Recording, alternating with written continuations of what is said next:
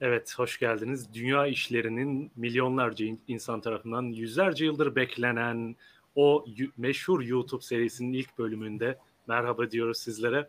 Ve bugünkü ilk konuğumuz Nevzat Kaya Hoca. Kendisini gayet yakından tanıyorsunuz. Merhaba Nevzat Hocam. Merhaba gençler. Dünya işlerine e, ben de uzun süredir çıkmak istiyordum. Çünkü sürekli şey geliyordu bana. Dünya işlerine ne zaman çıkacaksın diye. İşte buradayım ben de. İşte o yoğun istekler e, milyonlarca insan tarafından bana mail yağdı her gün. En sonunda Nevzat Hoca'nın menajerine ulaşmayı başardım. Kendisine 12 milyon dolar e, kaşe ücreti ödedikten sonra programımıza e, Yo, 3 öyle dakikalığına... Konuşmadık. Öyle konuşmadık. Euro. Euro muydu? Dolar Pardon. değil, euro. Ha. 12 milyon euro e, ödemeyi kabul ettik. 3 dakika konuğumuz olacak. Kalan 57 dakikada benimlesiniz. Hı. Evet Sedat Peker e, konuşacağız bugün. Sedat Peker fenomeni. Bugün Türkiye'de bir yenilik yapalım dedik ve Sedat Peker konuşalım dedik. Sedat Peker ve Türk siyasi kültüründe baba kültü. Hocam ne düşünüyorsunuz Sedat Peker olayı hakkında? Sedat Peker olayı Neden hakkında... Sedat Peker hocam?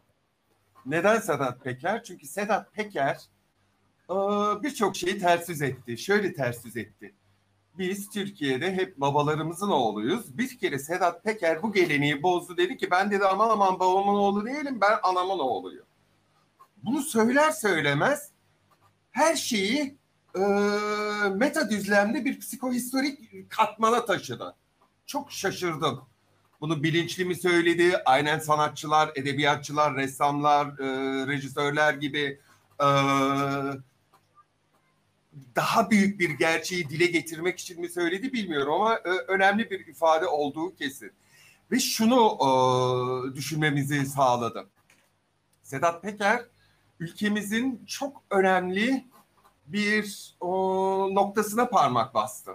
Şöyle ki biz modernizmden bu yana bunları sonra daha etraflıca e, geleceğiz bir modernizmle klasik modernizmi 20. yüzyılı Cumhuriyeti Osmanlı'nın sonunu kastetmiyorum birinci meşrutiyetten itibaren e, baba kültü ile haklar herkese eşit davranma nasıl olur sorunsalı. Baba çünkü ister istemez hep hiyerarşileri sebebiyet verir. Ne demek bu? Mitik açıdan her babanın sevdiği, en sevdiği bir oğlu vardır. O da hep en büyük oğuldur mesela. Anne öyle değildir. Anne bütün evlatlarını farklı sever belki ama aynı derecede sever. Burada bakınız Sedat Peker ben anamın oğluyum derken bütün sistemi bozmaya kalkmasıyla birlikte mitik anlamda, psikohistorik ve psikomitolojik anlamda ata erkiye bir bir bir dil uzatma, bir bir bir bir bir karşı çıkma da eyleminde bulunuyor. Çünkü Sedat Peker ben anamın oğluyum derken ben Orestes değilim yani babamın oğlu değilim.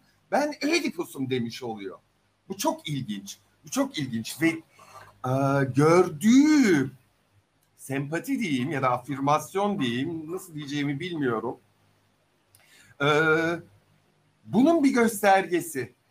Sedat Peker'in asla yalan söylemediği inancının kaynaklarından bir tanesi de hakikaten Sedat Peker tırnak içinde söylüyorum sosyalist egaliter bir biçimde hiç hiçbir kim hiç kimse arasında fark e, gözetmediğini de dillendirmiş oluyor bana göre böylelikle. Sadece suçluları ifşa ediyor. Bunu zaten çok güzel söylüyor.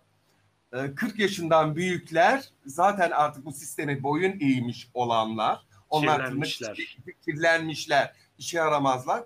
40 yaşında ve daha küçük olan kardeşleri, bak bu çok önemli kardeşleri, bir akrabalık kuruluyor. Bir bir klanlaşma söz konusu. Bu çok önemli. Yani sizler diyor yenisini daha düzgün yapın. Ve böyle seyrettikçe, konsantre oldukça neyi görüyoruz? Çok ilginç Sedat Peker e, yeni bir oluşuma sebebiyet vermek istiyor. Ama bana göre bu yeni oluşum hadi yeniden başlasın Ee, bütün işte temiz toplum olalım, bütün bakanlıklar düzelsin, bütün bankalar işte e, serbest olsun, bağımsız olsun, Merkez Bankası bla bla bla. Öyle bir şey değil. Bana göre ben böyle hissediyorum. Sedat Peker çok çok daha büyük anlamda yeni bir şeyden bahsediyor. Sırf Türkiye'yi ilgilendiren e, e, bağlamda da konuşuyorum. Sedat Peker çok ilginç bir biçimde aslında neyi dile getiriyor artık biliyor musunuz? Türkiye'de babaların bittiğini, nasıl aynen e, babaların bittiğini dillendiriyor Sedat Peker. Ulus devletin sona ermesiyle paralellik gösteriyor. Ne demek bu? Yani post e, ulusalcılık dönemindeyiz. Artık bu globalleşme, bu ekonominin birbirine geçmiş olması devletle birlikte babayı da aşmış oluyor. Bunun da tıkır tıkır çalışabilmesi için Türkiye'deki son günlerde duyduğumuz facialara hiçbir suret değer yok. Eğer Türkiye bu dünyada dünya e, ulusları, dünya halkları masasında oturmak istiyorsa buna hiçbir suret değer yok. Çünkü anında bu yeni sistem ne yapıyor? Aynen Covid'de olduğu gibi ülkeler kapatıyorlar birdenbire. Üçüncü, dördüncü ülkeleri e, alanlarını ve o ülke dışarıda kalmış oluyor. Türkiye'nin bu bağlamda bu yeni düzenden yeni düzenle bağı e, kopma tehlikesiyle karşı karşıya kalıyoruz. Ve Türkiye'nin buna yine dahil olabilmesi nereden geçiyor? Aşırı derecede Atatürkçü ol, Kemalist ol. Aşırı derecede başka bir şey ol. Artık o çağlar geçti. Bunu söylüyor. Bunu söylüyor. Ee, şeyler aynı olmak zorunda. Şartlar aynı olmak zorunda. Eşit olmak zorunda. Peki Ödipus, Ödipus'tan bahsettiniz. Ödipus hmm. kovulmuş bir karakterdi ve kovulup kral olarak geri döndü. Evet. Ödipus evet. E, çok arabesk bir karakter. Evet.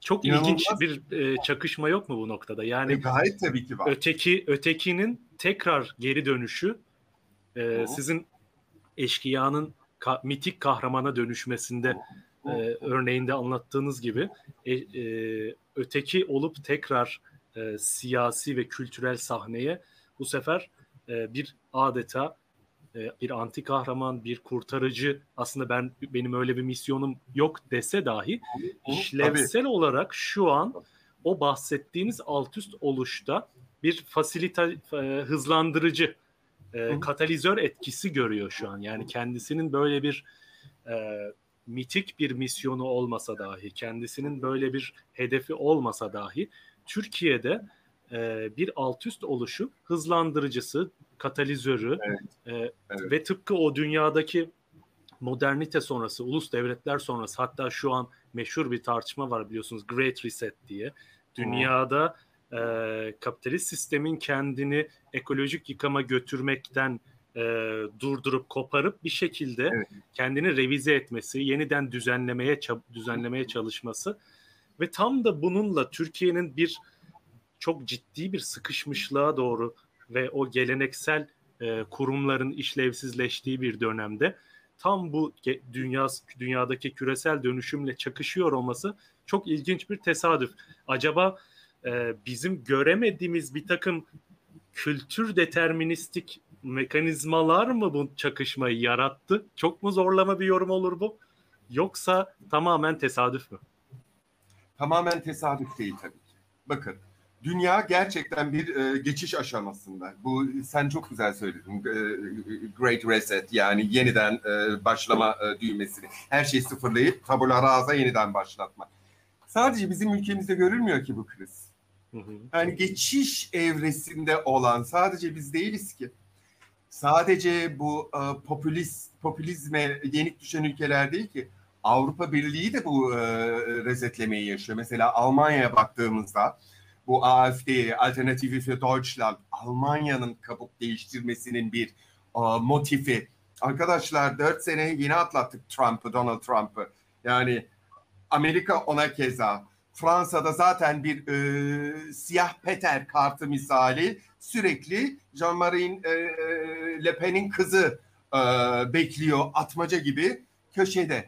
Geçiş dönemlerin, geçiş dönemlerinin hep böyle hem çok güzel hem çok karanlık tarafları vardır. Dünya tarihine baktığımız zaman bütün geçiş dönemleri e, birilerine çok iyi gelmiştir. Öteki tarafları için, çoğunluk için yıkım olmuştur. İlk bilinen geçiş dönemi 13. 12. yüzyıldaki milattan önce 12. 13. yüzyıldaki o deniz kavimlerinin bütün Doğu Akdeniz'deki kültürü durdurma noktasına getirmesi. Onları o kadar e, iyi bilmiyoruz çünkü yazıyor. Ama mesela çok iyi bildiğimiz bir geçiş dönemi milattan önce 3. 2. yüzyıllar Helenizm çağı. E, bütün Doğu Akdeniz havzasının lingua francasının Yunanca olması, bu tehditten ötürü Musevi dininin kendisini tehdit altında görüp aşırılaşması, bütün böyle aşırı unsurların dine girmesi. Rönesans ona keza öyle bir yer. Mesela e, bir dönem şöyle bir inanış vardır. Ay Rönesans ne kadar güzel. İnsan her şeyin merkezinde.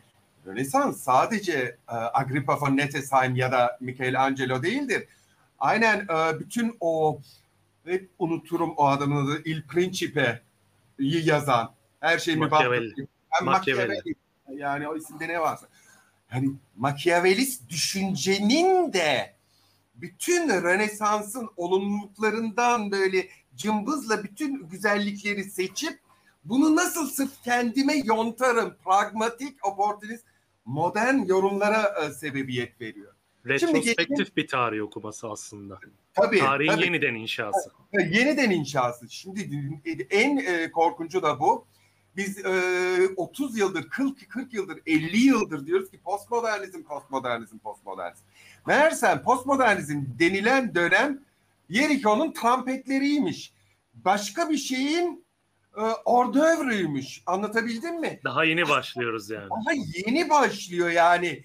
E, çivilerin yerinden çıkması, o tuğlayı çekmeye gerek yok. Çünkü tuğlayı çekmeye gerek yok. Tuğla e, tuz buz oluyor, kuma dönüşüyor. Öyle bir e, tehdit var dünyada. Bütün eski postmodernizmin e, iyi niyetli savunduğu ilksel düsturları da dahil olmak üzere ne oluyor şimdi? E, tuz buz oluyor değil mi? Yıkılıyor. E, ama dediğin çok güzel bir şey var. Ödipus. Ödipus babalarının babaların etindeki kıymıktır. Ve o e, yara hiç iyileşmez. Hep böyle iltihaplanır.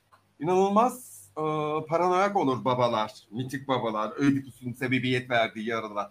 Çünkü o yara aslında bir zamanlar hiçbir surette şimdiki önemlerine sahip olmadıklarını görürler o yaralarından. Ödipus için ne denilir? Ee, Laios'a senin bir oğlun olacak. O oğlun seni öldürecek ve kral olacak. Hı hı. Bu hikayeyi etkili kılmak için bu hikayeyi etkili kılmak için bak şimdi çok önemli bir şey söyleyeceğim. Herhangi bir olimpik yeni nesil tanrının babasına hadım edip onun yerine geçmesiyle benze benzememesi için neyi ekliyorlar? İnsanların aynen aman Allah'ım diyebilmesi için sadece seni öldürmekle kalmayacak. Anasıyla evlenecek ve düşün yani. Aa korkunç bir şey. O yüzden o travmanın karar... kültürün içinde yaşayabilmesi için bir öğe mi bu diyorsunuz? Tabii ki. Hep şey hem babalara bir dikkat hem babaların oğullarını inanılmaz fesat ve paranoyak bir biçimde gözlemleyebilmeleri için kulaklarına bir küpe. Böyle bir şeydir Ödipus. Ne yapıyor Ödipus? Hakikaten çocukken, bebekken bunun bacaklarını deliyorlar, bağlıyorlar ki düşün, emekleyerek de kaçamasın diye.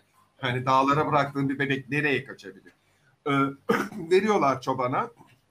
Orada bir Türk filmi başlıyor. Çoban öldüremiyor Ödipus'u. Başka bir çobana veriyor. O çoban da Ödipus'u alıyor Korin kralı ve kraliçesine götürüyor. Onların da çocuğu olmuyor. Bak onlar Hülya Koçyiğit Leyson. Bu e, Iokaste Suzan Avcı. evet. Öyle bir e, şey e, e, yapabiliriz. Neyse tabii ki bu dedikodular e, birdenbire Ödipus büyüdüğünde bir arkadaşını yendiğinde ya git diyor arkadaşı Ödipus'a sen zaten bizden değilsin. Kral baban değil, kraliçe annen değil. Allah.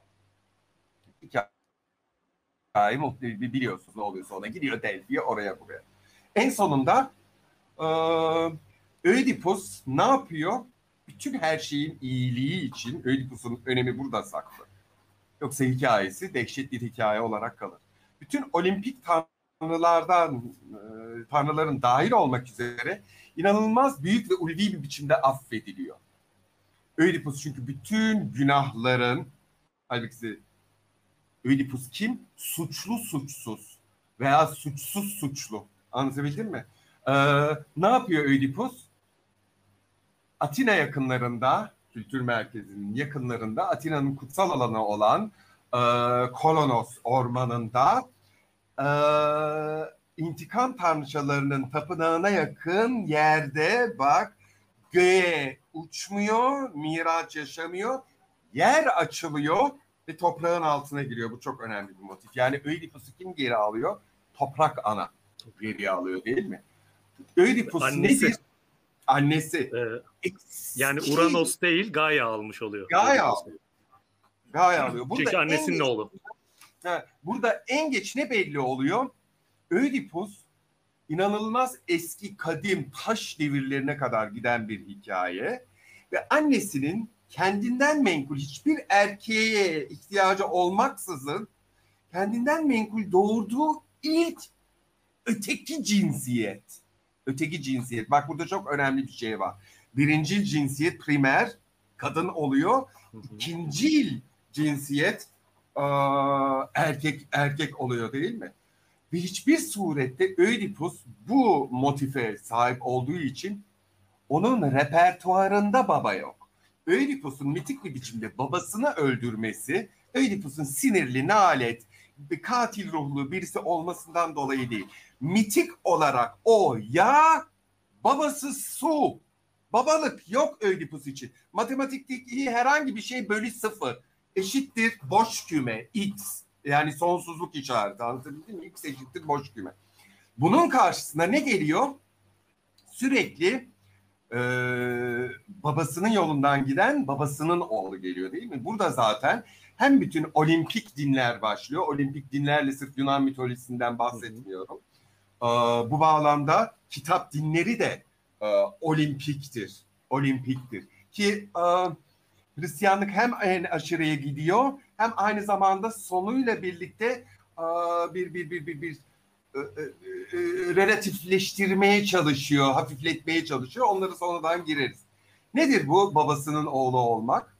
Sürekli babasına hayranlık, korku ve aynı zamanda o beni öldürecek dehşetiyle bakıp o dehşetten kaynaklanan bir biçimde boyun eğme.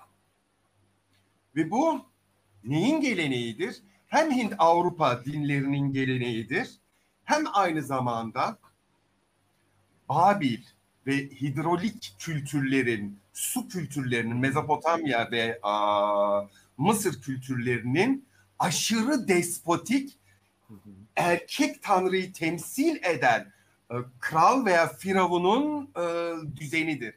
Ya benim dediğimi yapacaksın ya da ben seni lanetlerim ya da ben en büyük oğlum, en sevdiğim olan seni keserim.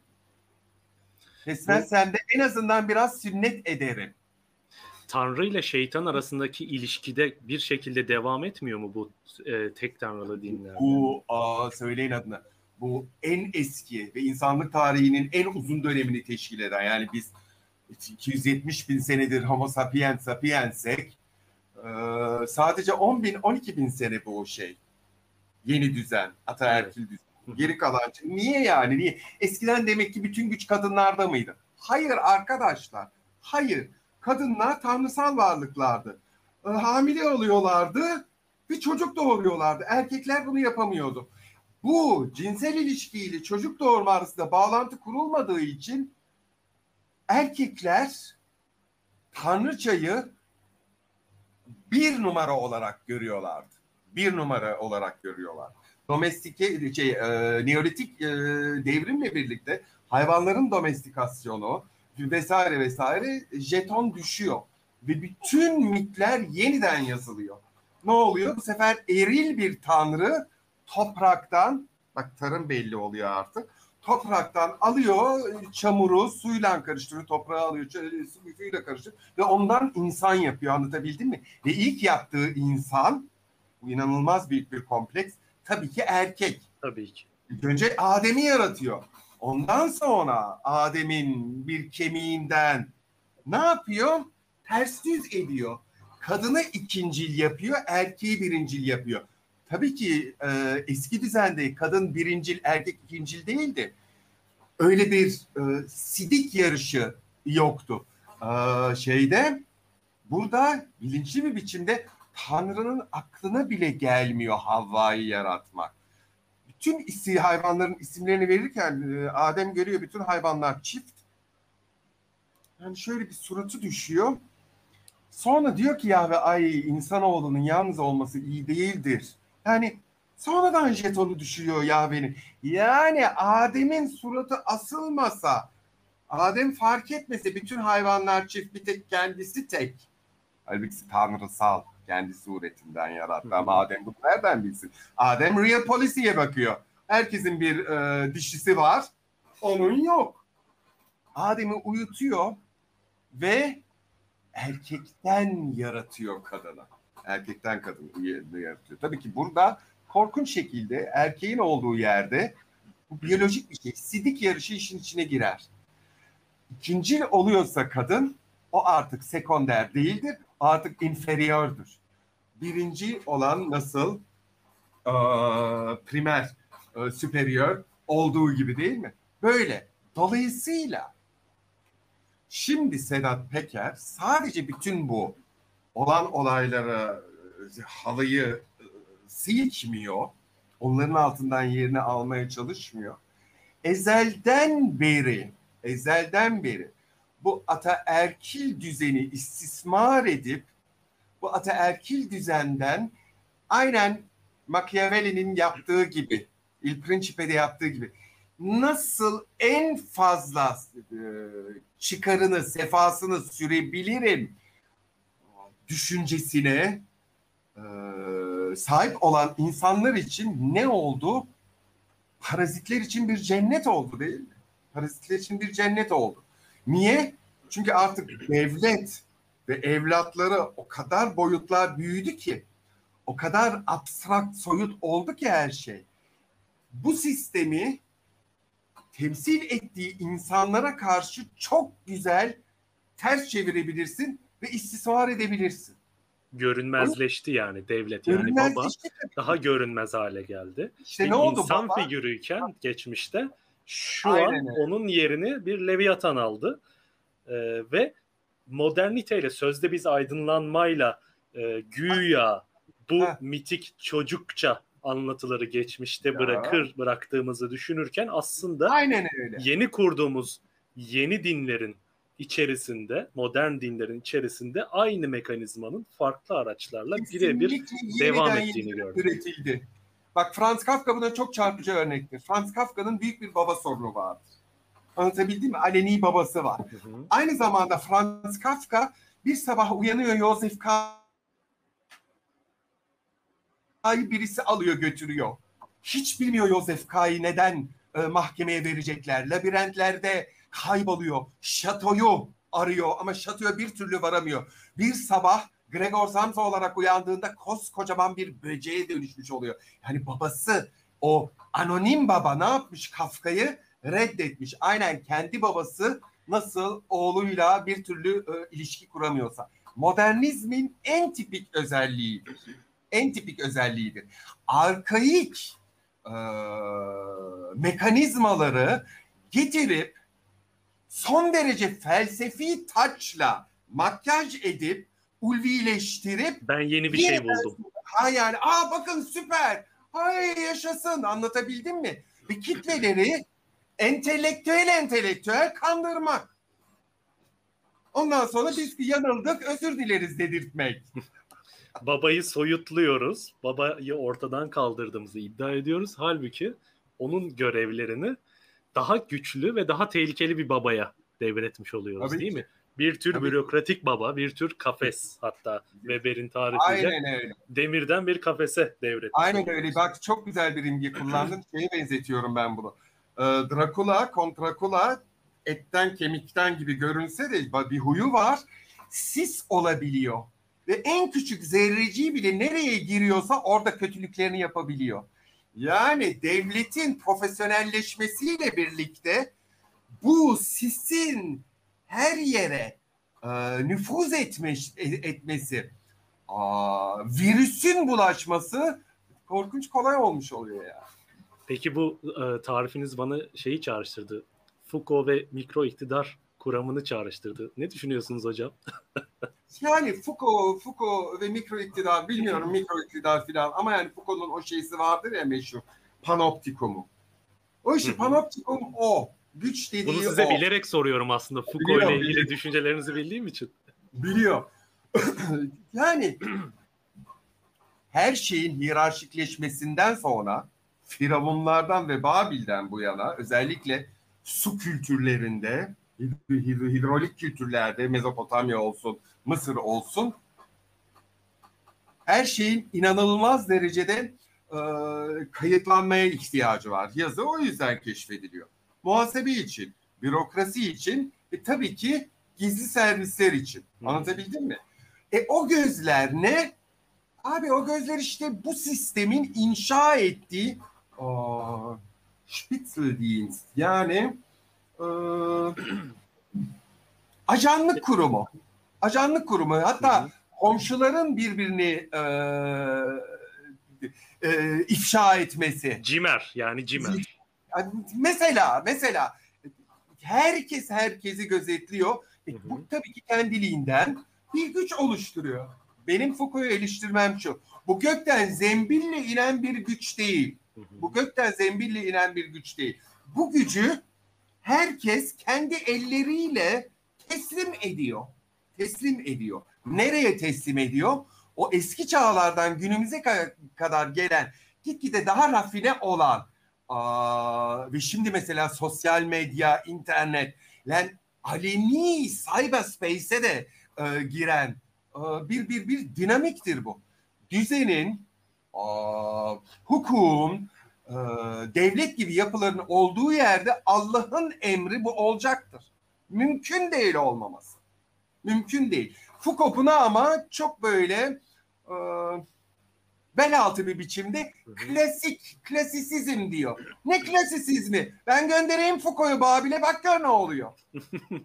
ne klasisizmi? Klasisizm dolayısıyla bu eril kolonizasyonun bir uh, sinonimi. Dolayısıyla 17. yüzyıl Fransa'ya bunu bu bağlamda kullanılıyorsa hapsetmek korkunç saçma ve tarihe korkunç büyük saygısızlık. Bunu e, milattan önce 5. yüzyıl Atina'sında da görürsünüz. Ramses'in 3. Ramses'in Mısır'ında da görürsünüz. Allah Allah Osmanlı'da da görürsünüz yani. Bu kadar basit. Peki e, bu modernitenin içinde bu kültürel mekanizmaların özellikle Türkiye gibi arada kalmış arkaikle modern olanın e, eski ile yeni arasında sıkışıp kalmış, bocalayan hem coğrafi olarak hem kültürel olarak hem kronolojik olarak tarihin sanki belli bir aşamasında e, saplanıp kalmış ve bir ayağını geçmişten bir türlü bugüne alamayan, ileriye doğru atamayan bir ülke olarak görüyorum ben. Burada bu mekanizmalar hala işlemeye devam ediyor ve biz e, bir şekilde bu mekanizmanın işlediğini e, kriz anlarında ve kırılma anlarında, alt üst olma anlarında daha iyi görüyoruz diye düşünüyorum. Şu an böyle bir süreçten geçiyoruz. An derken tabii ki bunun böyle akşamdan sabah olan bir şey olduğunu anlatmaya çalışmıyorum. Bu bir süreç, e, bir alt üst oluş, bir değişim sürecindeyiz ve e, Sedat Peker meselesinin Sedat Peker'in işte sistemin içinden dışlanan ötekinin birden sistemin içinde sistemi alt üst edebilecek bir güçle yeniden belirebilmesini sağlayan şey bir yandan onun sistemi çok iyi tanıyor ve biliyor olması iken bir yandan da şu var. E, Türk siyasi kültüründe çok canlı bir şekilde yaşayan bu baba figürü, bu ataerkil kültürel mekanizma kendine toplum kutupları açısından yani e, AKP tabanı açısından örneğin çok somut, elle tutulur, çok güçlü bir e, kendine örnek bir figür bulabiliyor. O kim? Cumhurbaşkanı Erdoğan. Fakat onun karşısında kalan toplum figürü, e, toplum kesimi her ne kadar kendisini e, kültürel değerler açısından işte modernite açısından başka bir yere konumlandırıyor olsa da hatta kendisiyle diğeri arasında bir geri ileri e, dikotomisi kuruyor olsa da aslında e, siyasi e, dönüşümler için benzer bir kurtarıcı beklediğini görmüyor muyuz? Yani karşı tarafın bir Erdoğan'ı var ancak bu tarafın bir kurtarıcı arayışı sanki e, biz onlardan kültürel ve e, şey olarak zamansal olarak tırnak içinde zamansal olarak farklı bir sosyolojiyiz. Ancak e, dönüp dolaştıp baktığımızda biz de yine bir kahramanın e, yani o kitle bu sosyoloji açısından, sosyoloji açısından diyorum. O da bir kahramanlı arayış içerisinde değil mi? Yani örneğin Kemal Kılıçdaroğlu'na hep şöyle deniyor ya aman bunda liderlik vasfı yok canım. E, liderlik vasfından beklenen şey aslında bir baba otoritesi gibi bir şey değil mi burada? Ve Sedat Peker'in birden bu kadar e, pelerinleriyle sistemin içerisinde belirip e, herkesin konuş hadi söyle senin arkandayız hadi vur e, diye bir bir tür tezahürata başlamış olmasının e, altında aslında o kültürel mekanizmanın o sosyolojiler arasında herhangi bir değişiklik göstermediğinin bir emaresi olarak okunamaz mı sizce? Çok güzel bir soru. Bir kere şunu baştan belirteyim. Ben Sedat Peker'i işte o Sedat Peker bir e, zümrenin kahramanı, Cumhurbaşkanı Erdoğan da e, karşı zümrenin e, babası kahramanı öyle olduğunu düşünmüyorum. Bu fay hatları yani burada böyle e, dikotomik olduğunu düşünmüyorum. Şu an işlevsel olarak öyle tarif etmeye çalıştım aslında. Hayır, anladım anladım ama çok önemli bir nokta olarak. bu. Çok no- önemli bir nokta bu. Ben e, şundan eminim. E, Cumhurbaşkanı Erdoğan taraftarı olmayan birileri de Sedat Peker'i hiçbir surette e, tasvip etmiyor e, ve vice versa. Ve eminim Cumhurbaşkanı Erdoğan taraftarı da hiç şüphem yok e, Peker'i destekleyenler onlar, on, onların arasında da mutlaka vardır. Burada önemli olan şu. Burada önemli olan şu. Türkiye 20 senedir özellikle son 5-6 senedir e, inanılmaz bir pater potestası yaşıyoruz biz. Mesela bugünkü e, Yargıtay kararı da çok ilginçti. Cumhurbaşkanı Erdoğan'ın e, kararları Yargı, sorgulanamaz. Hukuk, yargıya tabi değildir yani. Evet. Ha, bu inanılmaz arkaik bir biçimde e, Roma hukukundaki pater potestas dönemlerini e, çağrıştırıyor. Tanrı'nın yani, buyruğuna benze, benziyor aslında. Tanrı buyruğuna yani, benziyor. E, Leta Semoa'ya kadar götürür bu bizi. Hı hı. Leta Semoa, devlet benim. Ne kadar e, götürür yani. 14. Louis'e kadar götürür. Yani biz bunları dünya tarihinden hepsini ne yapabiliyoruz? Okuyabiliyoruz. Yalnız şöyle bir sorun var. Bu Cumhurbaşkanı'nın kararları e, hukuka kapa yani hukuk e, hukuki süreçleri kapalıdır. Şeysi çok demode bir şey. Çok demode. Bunu 20. yüzyılın e, başında yapabilirdiniz. Yapabilirdiniz. Niye 20. yüzyılın başında? İşte Almanya, işte İtalya, işte Sovyetler Birliği'ne dönüşen Rusya. Yani bu işte bunun tarihi. Bizim günümüzde yaşadığımızı, bizim günümüzde derken senin dediğin gibi dünden bugüne değil, son 30 sene yaşadığımız, son 30 sene yaşadığımız kesinlikle Avrupa'nın 20. yüzyıl başlarına 19. yüzyıl sonlarına benziyor. Yakından bakmakta fayda var. 19. yüzyılda endüstrileşme iyice artıyor. İngiltere, dünya lideri, kıta Avrupa'sında Almanya önlenemez bir yükseliş değil mi? 1871'de Almanya Fransa'yı Sedan'da bugün Belçika Almanya sınırında bir yerde e, korkunç şekilde mağlup ediyor. Bu Fransa için bir travmadır.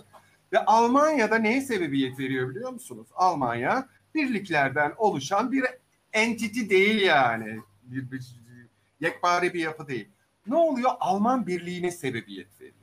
Alman birliğine sebebiyet veriyor.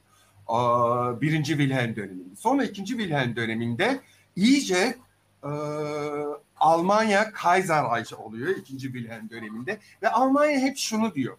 Biz geç gelen kav, kavimiz. Biz geç gelen kavimiz. Biz bütün dünyayı bu İngiltere, Fransa ne yapmış? Birleşmiş. Parsellemiş. Parsellemiş. Bize hiçbir şey kalmamış. İşte e, Osmanlı'dan e, iyiyiz. İşte Afrika'da birkaç şey var. Zanzibar var, şu var, bu var. Namibya var, e, Güneybatı Afrika. Ne oluyor yani? yani? Almanya nesini belli ediyor? Bazı tarihsel gelişimleri çoğunlukla değil, son derece geç ve tekil yaşadığını görüyoruz burada. Almanya adeta Almanya'nın bir oğlu olmuş ulus devlet ve ışık hızıyla Birinci Dünya Savaşı'na doğru yol alıyor. Şimdi aynı zamanda 19. yüzyılın sonu niye işaret ediyor? İşte e, Tanrı ölüyor. Kant aydınlanma felsefesi sorgulanıyor. E, Sigmund Freud e, psikanalizle insanın aslında yekpare bir varlık olmadığını söylüyor. Yani bütün eski kutsallar yerle bir olmuş. Orta çağ çeviriyoruz. Kopernik devrimi gibi bir şey öyle bir değerler vakumu oluyor ki bu değişen çağda.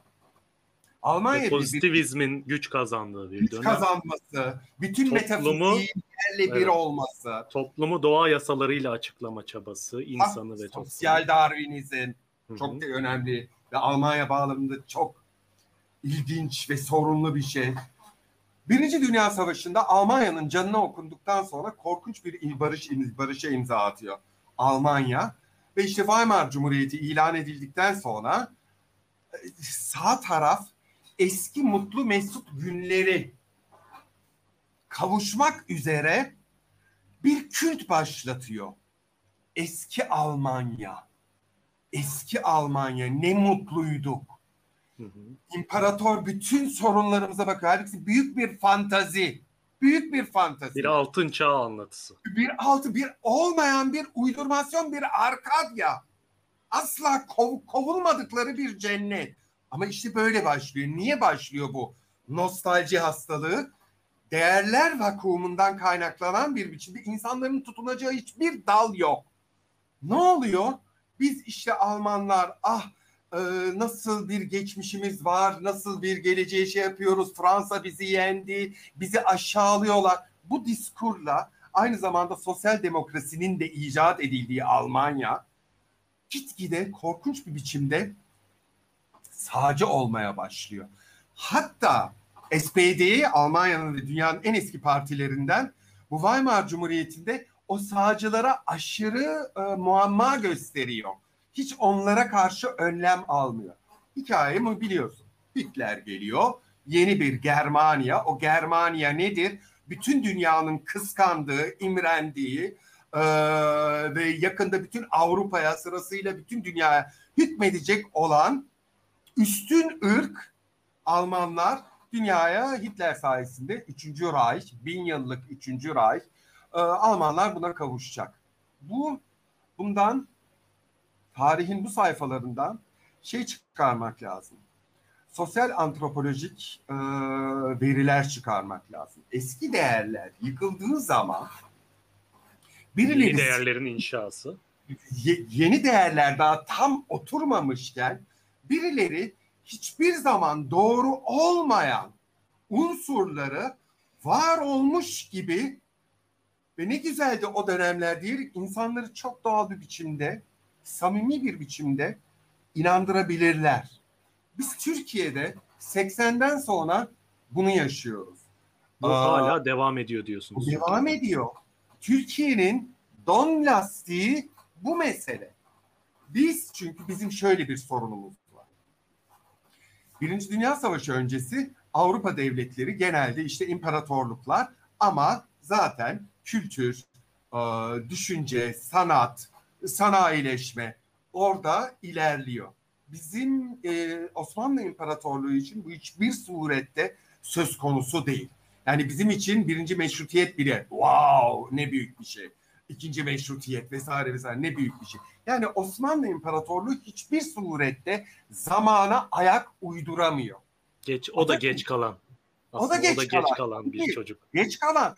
Çok anakronik bir imparatorluk. Bakınız Avrupalılar o yüzden Osmanlı'ya Boğaz'daki hasta adam der. Çok anakronik. Kendi liglerine hiçbir surette uymuyor. Başı mı, sonu mu, çöküşü mü, çöktü mü? Nedir yani? Ve dünyanın ne kadar önemli bir yerine hükmediyor. Anlatabildim mi? Ve oryantalizmin doğuşunun arkasındaki önemli bir mekanizma, bir figür de bu değil mi aslında? Yani Gayet bu tarif tabii. edilemezlik, bu nevi şahsında münhasırlık ve bu anakronizm. Yani orada Osmanlı diye bir şey var ve kendinin farkında değil. Hangi çağda yaşadığının çok uzun bir süre farkına varamıyor. Fakat dünyanın o dönem için merkezi sayılabilecek bir konumu zapt ha. etmiş bir durumda. Ha. Ha. Ha. Ve Avrupa Düşün. açısından inanılmaz anlaşılması güç bir fenomen. Fenomen yani. Düşün. Aa, bakıyorlar Osmanlı'ya yani Osmanlı'yı ayakta tutan şey kesinlikle politik konjonktürler.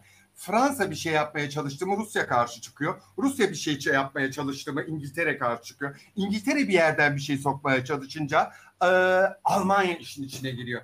Yani Osmanlı ne olmuş? Kendisinin sureti olmuş. O oryantalizme bir şey daha söyleyeceğim.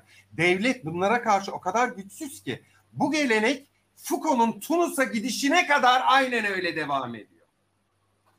Gidersin Tunus'a istediğini yaparsın kardeşim. Ne olacak ki? Orası binbir gece masalları. Evet orası doğu. Orası, ha, orası şark. Doğu. Çünkü sıkar Foucault'un o yediğin haneleri Hı-hı. Fransa'da, Paris'te yapması, en küçük bir dedikodu da başına neler geleceğini değil mi? Yani aslında Foucault ne diyor? Sıkı tutun. O Panoptikum Paris'te var Hı-hı. ama evet Tunus'ta yok. Tunus'ta yok. Osmanlı'da yok. Anlatabildim mi? Şimdi her açıdan treni kaçırmışız. Her açıdan treni kaçırmışız. Atatürk o kadar akıllı bir adam ki o kadar akıllı bir adam ki Türkiye Cumhuriyeti'ni kurduğunda kimliksiz Osmanlı tebaasına şimdi hiç kimse kimliksiz dememe kızmasın çünkü umurunda değil Osmanlı'nın hele Anadolu'ya Anadolu'ya bir şey yapmaya çalışıyor, bir kimlik kazandırmaya çalışıyor. Anadolulu, Türk, Türkiye'li, Türk. Ne Anadolu mutlu zaten Hı. yani Osmanlı'nın sömürgesi gibi bir nevi. Evet Çünkü en geri kalmış, en sefalet içerisinde yaşayan e, yani doğru düzgün bir Osmanlı mimarisi diye bir şey yok Anadolu'da. Ya Selçuklu'dan kalma Hepsi ya Bizans'ın Roma'nın revize edilmesi. Evet Balkanlarda var ne varsa. Yani Os e, Anadolu Osmanlı açısından e, Türkmenlerin yaşadığı, işte çeşitli göçebe kavimlerin yaşadığı bir sömürge toprağı. Osmanlı'nın aslında şarkı bir, bir, bir nevi Anadolu. Aynen. Ve Aynen. o yokluk içerisinde hala İstanbul'da derler ya nereye gidiyorsun Anadolu'ya. Sanki Anadolu Papua Yeni Gine. Evet hala orient. Tabii hala öyle. Anadolu. Neyse. Aa, bu çok ilginç. Ve bak adam kendisine nasıl bunu şey yapmış, e, hissetmiş olmalı ki ne mutlu Türk'üm diyeni diyen adam kendisine Atatürk soyadını veriyor. Bir baba icat ediyor. Osmanlı İmparatorundan farklı bir baba. Ben sizinle ilgileneceğim. Bakın dehşet bir şey söyleyeceğim. Bu perspektiften bakıldığında hiyerarşi yıkılmış oluyor Osmanlı İmparatorluğu'nda. Atatürk son derece ödipal bir baba. Yani bütün evlatlarını eşit derecede seviyor ve kadın erkek farkı o ilk başta konuştuğumuz e, primer, sekonder ya da superior, inferior hiçbir surette e, burada geçerli değil. Ne yapıyor? İşte kızları da okutuyor. Yurt dışına bilim kadınlarını da gönderiyor. Vesaire vesaire. Bakın bu psikomitolojik e, dünyanın psikomitoloji tarihinde Atatürk'e özel bir bölüm e, ayırıp yazmak lazım. Ve ne yapıyor biliyor musun Atatürk? Bu modernizmin ataerkiden sonra maternal, maternalleşmesi çünkü demokrasi maternalleşme demektir. Humanist e, söylemin, anti-humanist söyleme dönüşmesi maternalleşme demektir. Kadınlaşmak demektir. Bu kadar Merkeziyetsizleşme. Basit. Merkeziyetsizleşme. Çevreye dağılma. Ha, bu, bu, bu, bunlardır yani. Atatürk aslında bunu yaptı. Ve bizim bizim modernleşmeyi, klasik modernleşmeyi 20. yüzyıldan bahsediyorum. Hafif atlatmamızın en büyük sebeplerinden bir tanesi Atatürk'ün bu doğru saçma, bu doğal bir biçimde doğru e, davranışları olarak toparlayabiliriz. Yani bizde Atatürk iken İspanya'da Franco, Almanya'da Adolf Hitler, e, Sovyetler Birliği'nde Stalin. Allah'ım korkunç. Yani modernleşme Avrupa için maternalleşmenin önünde durmak için korkunç şekilde faşizan ve e, kıyıcı, yok edici, imha edici bir erillik inşa ediliyor. Biz Atatürk'ün ödipalliği sayesinde büyük bir, bir olasılıkla Atatürk de anasının oğluydu diye düşünüyorum. Ki şüphesiz zaten. Bütün tarih yani, anlatılarında görüyoruz. Yani biz böyle yırttık. Atatürk Atatürk iken aslında bu ülkeyi sadece babalık değil bu bağlamda analık da etmiş oluyor. Arkadaşlar bu tabii ki çok çok çok eleştiriye açık. Ben mitik perspektiflerden konuşuyorum. Yani şimdi bunu seyrettikten sonra lütfen bana gelip ay olur mu ama işte bu kadar insanı şunu yaptı şunu yaptı şunu yapmayın yani yapmayın. Böyle söyleyecek arkadaşlara şunu tavsiye ediyorum zaman makinesine binsinler. 1941-44 arası şöyle bir Almanya gezisine çıksınlar. İstedikleri bölgeye. Ondan sonra farkı anlarlar. Ne demek istediğimi anlarlar. Sovyetler Birliği'nde bir gulaga gitsinler. İspanya'da bir işkencehaneye gitsinler. Anlatabildim mi? Neyse. Ama işte bakın her şeyin, her madalyonun bir öteki yüzü vardır. Atatürk bize böyle babalık yapmakla neyi engelledi biliyor musunuz? Bizim bu sistemle, bu ataerkiyle sonradan Türkiye Cumhuriyeti'nin evrildiği e, merkeziyetçi, ataerkil bir e, devlet olma sürecini sürecinde biz babalarla ne yapamadık? Hesaplaşamadık. Hesaplaşamadık. Hiçbir zaman çok önemli.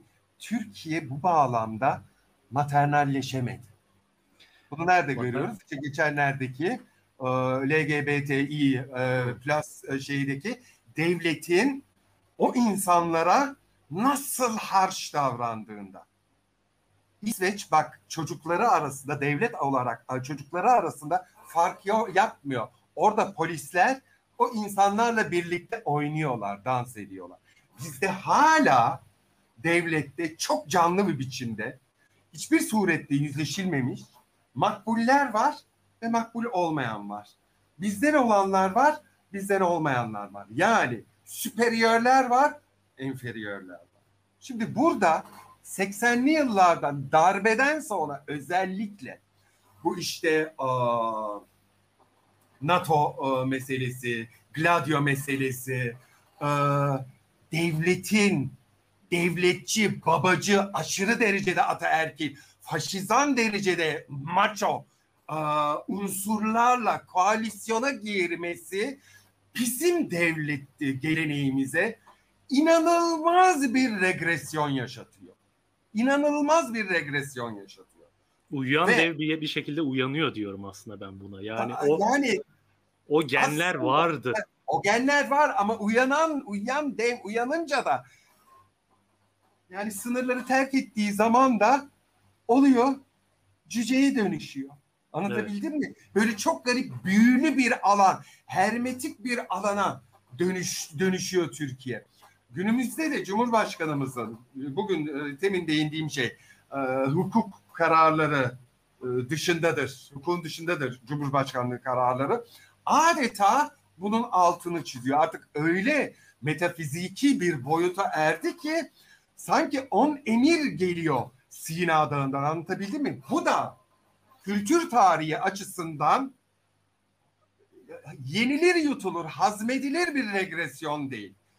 Bu böyle devam edemez. Türkiye kesinlikle dünya konjonktürünün dışına fırlar ve politik bir e, etnografya müzesine dönüşür. Cenazeye dönüşür. Cenazeye dönüşür ve dünya ile e, eşgüdümlü bir biçimde ilişki kuramaz.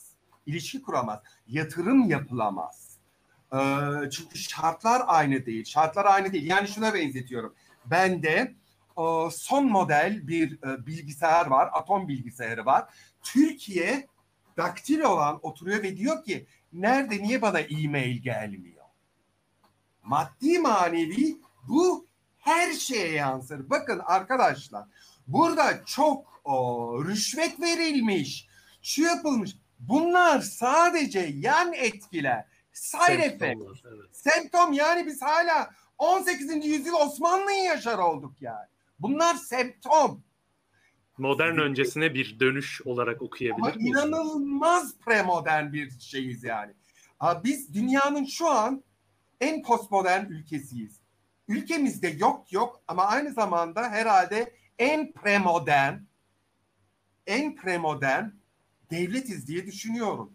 Bunun yaşaması, bunun devam etmesi mümkün değil tarihsel bütün e, bilgilere, bütün e, tarih felsefesinin bütün geleneklerini, kuramlarına, e, kültür tarihinin bütün gidişatına aykırı. Bunu derhal düzeltmemiz lazım. Ülkemiz için bunun düzeltilmesi lazım. Bakın bizler için, onlar için demiyorum. Yine normal bir hayat sürdürebilmek için.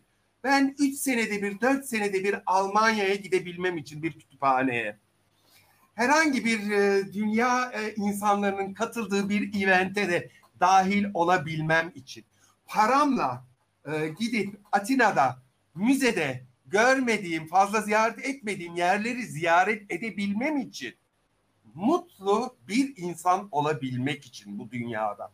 Bunların düzeltilmesi şart. Bakın tekrarlıyorum. İşsizliği, onu bunu, Covid'i, pandemiyi geçtim. Bunlar düzelmeden hiçbir şey yerine oturmaz. Şimdi bu çözülmenin kendi içerisinde kendini e, daha doğrusu şöyle Türkiye'de adeta bir Gordiyon düğümü oluştu hmm. ve bir İskender gelip o düğümü kesecek kılıcıyla ve bu düğüm kendi içinden kendi İskender'ini doğuruyor diye düşünüyorum ben. Çünkü şöyle e, Türkiye bu babanın yeniden çok sert bir şekilde tarih sahnesine çıkması ve işte 80'lerden sonra o gaddar otoriter babanın yani o o tür bir yönetim formasyonun e, tarih sahnesine çıkıp Türkiye'de hukuku ve modern kazanımları bir şekilde e, alaşağı etmesinin arkasında şöyle bir sosyolojik mekanizma olduğunu düşünüyorum. Köyün kente yığılıp kenti ele geçirmeye başlaması. Fakat e, şöyle okuyabiliriz. Türkiye 30'larda e, belki 40'larda nüfusunun önemli bir kısmı köylerde yaşayan hatta %80'e %20'ydi kent köy dağılımı. 50'lerden itibaren tarımdaki makineleşmeyle kırsal nüfusun işsiz kalıp kentlere yığılmaya başlaması dalgalar halinde bir e, Türkiye'de gece kondulaşma sürecini 40'larda başlıyor ancak kitlesel gece kondulaşma 50'lerde başlıyor. 50'lerden itibaren de e, Türkiye'de şöyle bir sosyolojik fenomen belirmeye başlıyor. İşte bizim o 60'larda 70'lerde görmeye başladığımız e, Kemal Sunal'ların, Şener Şenler'in e, anlatmaya çalıştığı o kentle kır arasındaki gerilim işte kibar feyzolar e, sense ben e, onlar sendikalı ben de harranlıyam e, şeyi gerilimi tam o dönüşümün yaşanmaya başladığı bir dönem. O dönem belli bir süre e, hani bugünün o dönemleri yaşayanlar e, geriye dönüp baktığında şöyle diyor ya tamam zorluklar vardı, tamam işte bir takım yokluklar çekiyorduk falan ama e, bir şekilde kent kendi yani kentsel e, kültür kendi denetim ahlak düzenini kurabiliyordu ve biz bir şekilde onun içerisinde bu anki bugünkü kaotik şeyi yaşamadan, yıkımı yaşamadan yaşamayı başarabiliyorduk. Yani daha mutluyduk de, diyor özetle. Belki birazcık retro, retrospektif bir altın çağ anlatısı olabilir ama bir sosyolojik gerçekliği de var. O da şu kentler yavaş yavaş e, köyden gelen o işsiz nüfus tarafından e, sindirilmeye, yutulmaya başlandı. Başlarda kent, o köylü nüfusu ki e, benim ailemde aslında bunun bir parçası. O köylü nüfusu alıp şehirlileştirebiliyordu belli ölçüde. İşte rant mekanizmaları, rant dağıtım mekanizmaları onları alıp eğitim, sağlık, çeşitli to- sosyal hizmetlerle alıp şehrin bir parçası haline getirebiliyordu. Fakat bu 70'ler 80'lerden itibaren öyle büyük bir e, şey e, kitlesel yığılma halini aldı ki artık şehir bunu taşıyamaz, asimile edemez hale geldi ve artık e, şehirlerin şehir olmaktan çıkıp işte o arabesk kültürün yavaş yavaş yükselmeye başlaması, modernizme karşı e, modernizmin nimetlerini öykünen ancak modernizmin nimetlerine ulaşamadığı için de ona bir tür düşmanlık beslemeye başlayan bir kültür, kentle getto çatışması.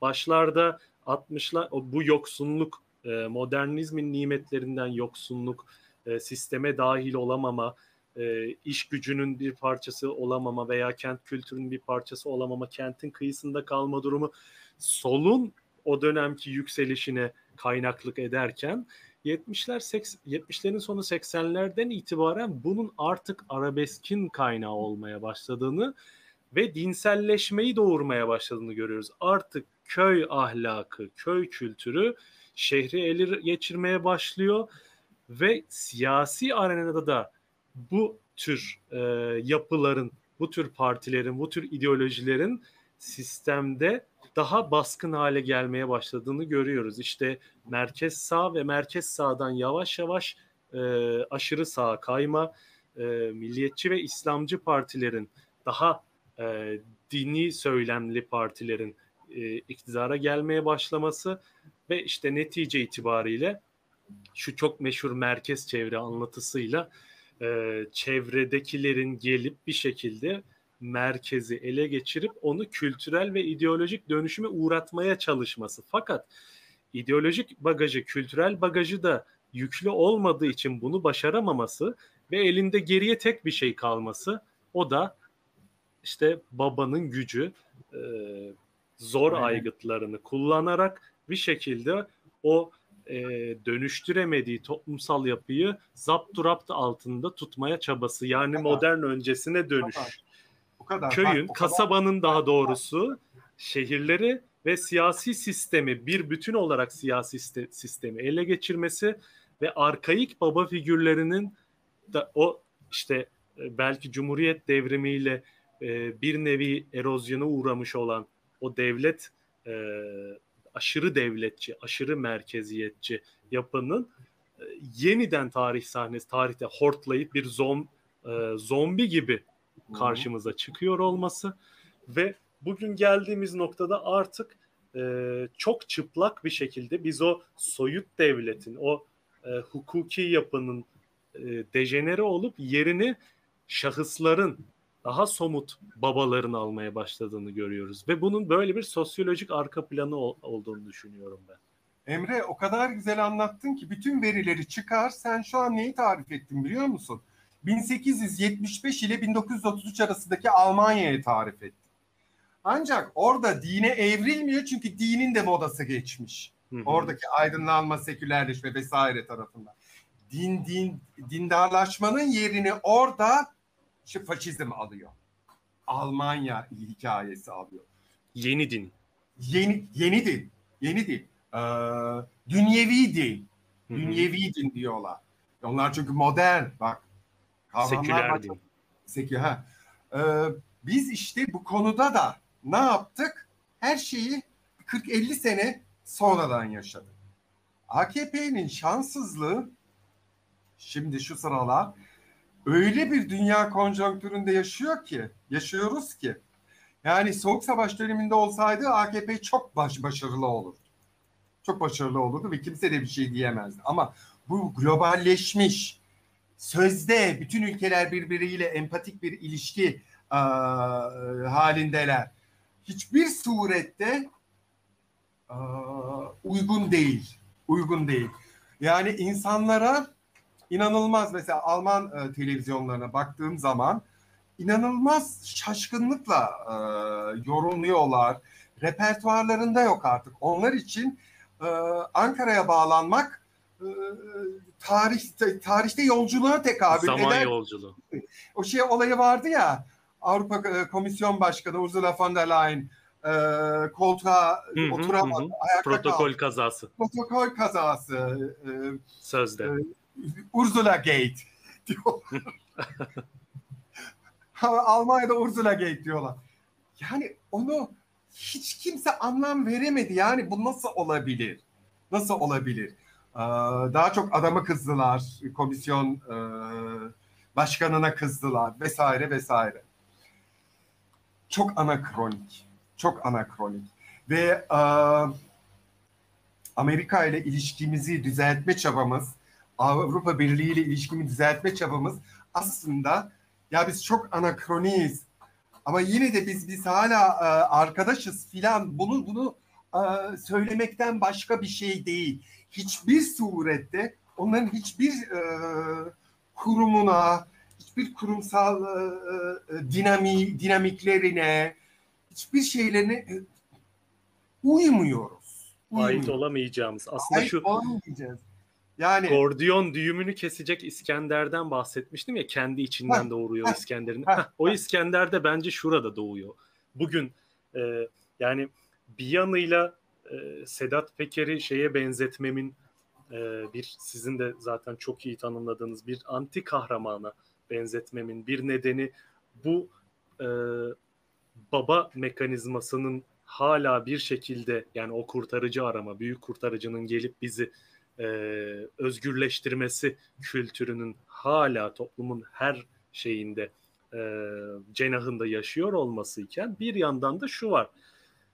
Çok postmodern bir şey bir e, sistemin içinden yani Ödipus kente geri gelmiyor. Gönderildiği yerden kamerayla kente bağlanıyor ve kenti sarsmaya başlıyor. Yani kralı e, gelip Ödipus modernleşmiş. öldürmüyor. Evet. Nüfus da modernleşmiş. Dost modernleşmiş hatta. Kılıcıyla gelip kralı tahtından indirmiyor. Ödipus Ve diyor ki lafını balla kestim ve diyor ki sevgili arkadaşlar diyor babanız size yalan söylüyor. Bunu söylüyor. Poz yani annenizi en- dinleyin. annenizi dinleyin. Babanız yalan söylüyor diyor.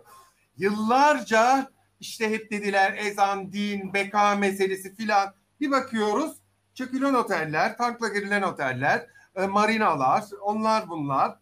E, Biz burada neredeyiz? Yani yemeğin bezelyesi, garnitürü bile olamamışız yani. Anlatabildim mi? Başka bir dünyada sanki paralel evrenlerde Ay, yaşıyor gibiyiz. Ve e, oradaki uzaktaki bir tür Ödipus bir in, kamera ve tripodla yayın yapıp sistemi felç ederken e, işte bu demografik dönüşüm geldi Türkiye'deki siyasi yapıyı alt üst etti, değiştirdi fakat işte bu İskender şimdi sahneye çıkıyor bence. O İskender de şu. e, Sedat Peker e, 40 yaş altına sesleniyor ya. Bence o düğümü kılıcıyla kesip atacak olan İskender'de o. Çünkü sizin o bahsettiğiniz başka bir çağın ve başka bir e, ilişkiler ağının ürünü olan fark bir- yani Türkiye'de aynı anda iki farklı dönem yaşanıyor. Anakronik bir iç içe geçmişlik hem coğrafi hem tarihsel anlamda. İşte o 40 yaş altı açısından e, soyut baba ile yani o devlet baba ile e, somut babanın bu kadar özdeşleşmiş olması anlaşılabilir ve kabul edilebilir değil ve işte o köyden kente gelmiş olan yığınların çocukları artık başka bir çağın ve başka bir kentsel kültürün çocukları olmaya başladı ve o kasabalı siyaset onlar açısından artık bir zombi, artık geride bırakılması, defnedilmesi, mezarından dışarı çıkmış ve ortada gezinen, yürüyen bir ölünün sakinleştirilip yatağına yatırılması gereken bir e, geride bırakılması gereken bir yapı gibi. Kelimenin O yüzden bu Gordiyon düğümü kendi İskender'ini doğuruyor diyorum. Ve Peker'in aslında o videolarının bu kadar etkili olabilmesinin bir nedeni de bu boşluktu. Yani Vakuumdu. Evet. Boşluktan Evet. öte vakuum. evet bir Vakuum. çekim vardı. Bir çekim vardı yani. Hiç Kendi- kimseden, hiç kimseden umut kalmamıştı. Yani o onu diyor, o onu diyor, o bunu yapıyor, bilmem ne. Bu ara yani ben hiç unutmayacağım. İlk duyduğumda Aa, dedim ne diyor bu adam? Ne diyor? Ve tabii ki dehşetim şurada saklıydı. Ben de ayrıca pek tarihi takip etmem de o niye söylüyor? En korkuncu da bu. Hı hı. Onun söylemesi Hı hı. herhangi bir e, sol sol cenahtan birisi söylemiş olsaydı bu kadar etkili olmaz. Evet, evet. Aynı e, ba- babanın oğlu. Hı hı. İsyan ediyor bu. Burada resmen e, John Steinbeck'in East of Eden'ını yaşıyoruz. Babanın sevdiği bir oğul var, bir de sevmediği James, James Dean'in canlandırdığı. Sedat Peker, James Dean salıncakta sallanıyor ve diyor ki "Aa, kardeşimin bekçisi miyim ben baba diyor. Kötü çocuk, kötü evlat. Kötü çocuk, kötü çocuk. Lucifer yani. Ve iyi çocuğa diyor ki senin annen bir fahişe. Ve bütün kültürel dünyayı alt üst ediyor. alt üst ediyor. Baba onun öteki çocuğun da sevdiği babası o babacı bilmem ne. Her şey ortaya ne olarak kalıyor? Temin onu söyledim. Paralar maralar önemli değil. Her şey büyük bir yalan. Yalanın kara deriği. Biz babamıza güven güvenemezsek kime güvenebiliriz? Dehşeti. Ya. Ve bildiğimiz dünyanın alt üst oluşu e, Marshall Berman'ın meşhur kitabının adıyla katı olan her şeyin buharlaşması. Buharlaşması Türkiye'de. tabii. Düşün. Düşün. Evet. Evet hocam. e, teşekkürler. Çok iyi bir yayın oldu. E, eklemek istediğiniz bir şeyler var mı acaba? Yok canım. Yok benim de çok hoşuma gitti. Çok, çok keyif eğlendim. aldım. Umarım Sıkılmadım, izleyenler de. kasılmadım. Hiç öyle değildi. Çok doğal bir sohbet gibi geçti. E, bundan sonra da böyle olacağını umuyoruz yayınların ve sizi Olur de olur. Olur sizi de mutlaka çağırın sık beni. sık misafir etmek isteriz. Tabii ki, tabii ki olurum. Dinle ama e, Çağatay'ı da göreceğim yani. Ça- Çağrı ve Cenk. Çağrı özür dilerim. Çağrı. Ha, ha, ha. O, ona e, o kamerasını geri alsın sen de. Beni, beni ifşa etmeseydiniz iyiydi. Olsun ne olacak ki? Ha. Çok teşekkürler hocam yayına katıldığınız için. E,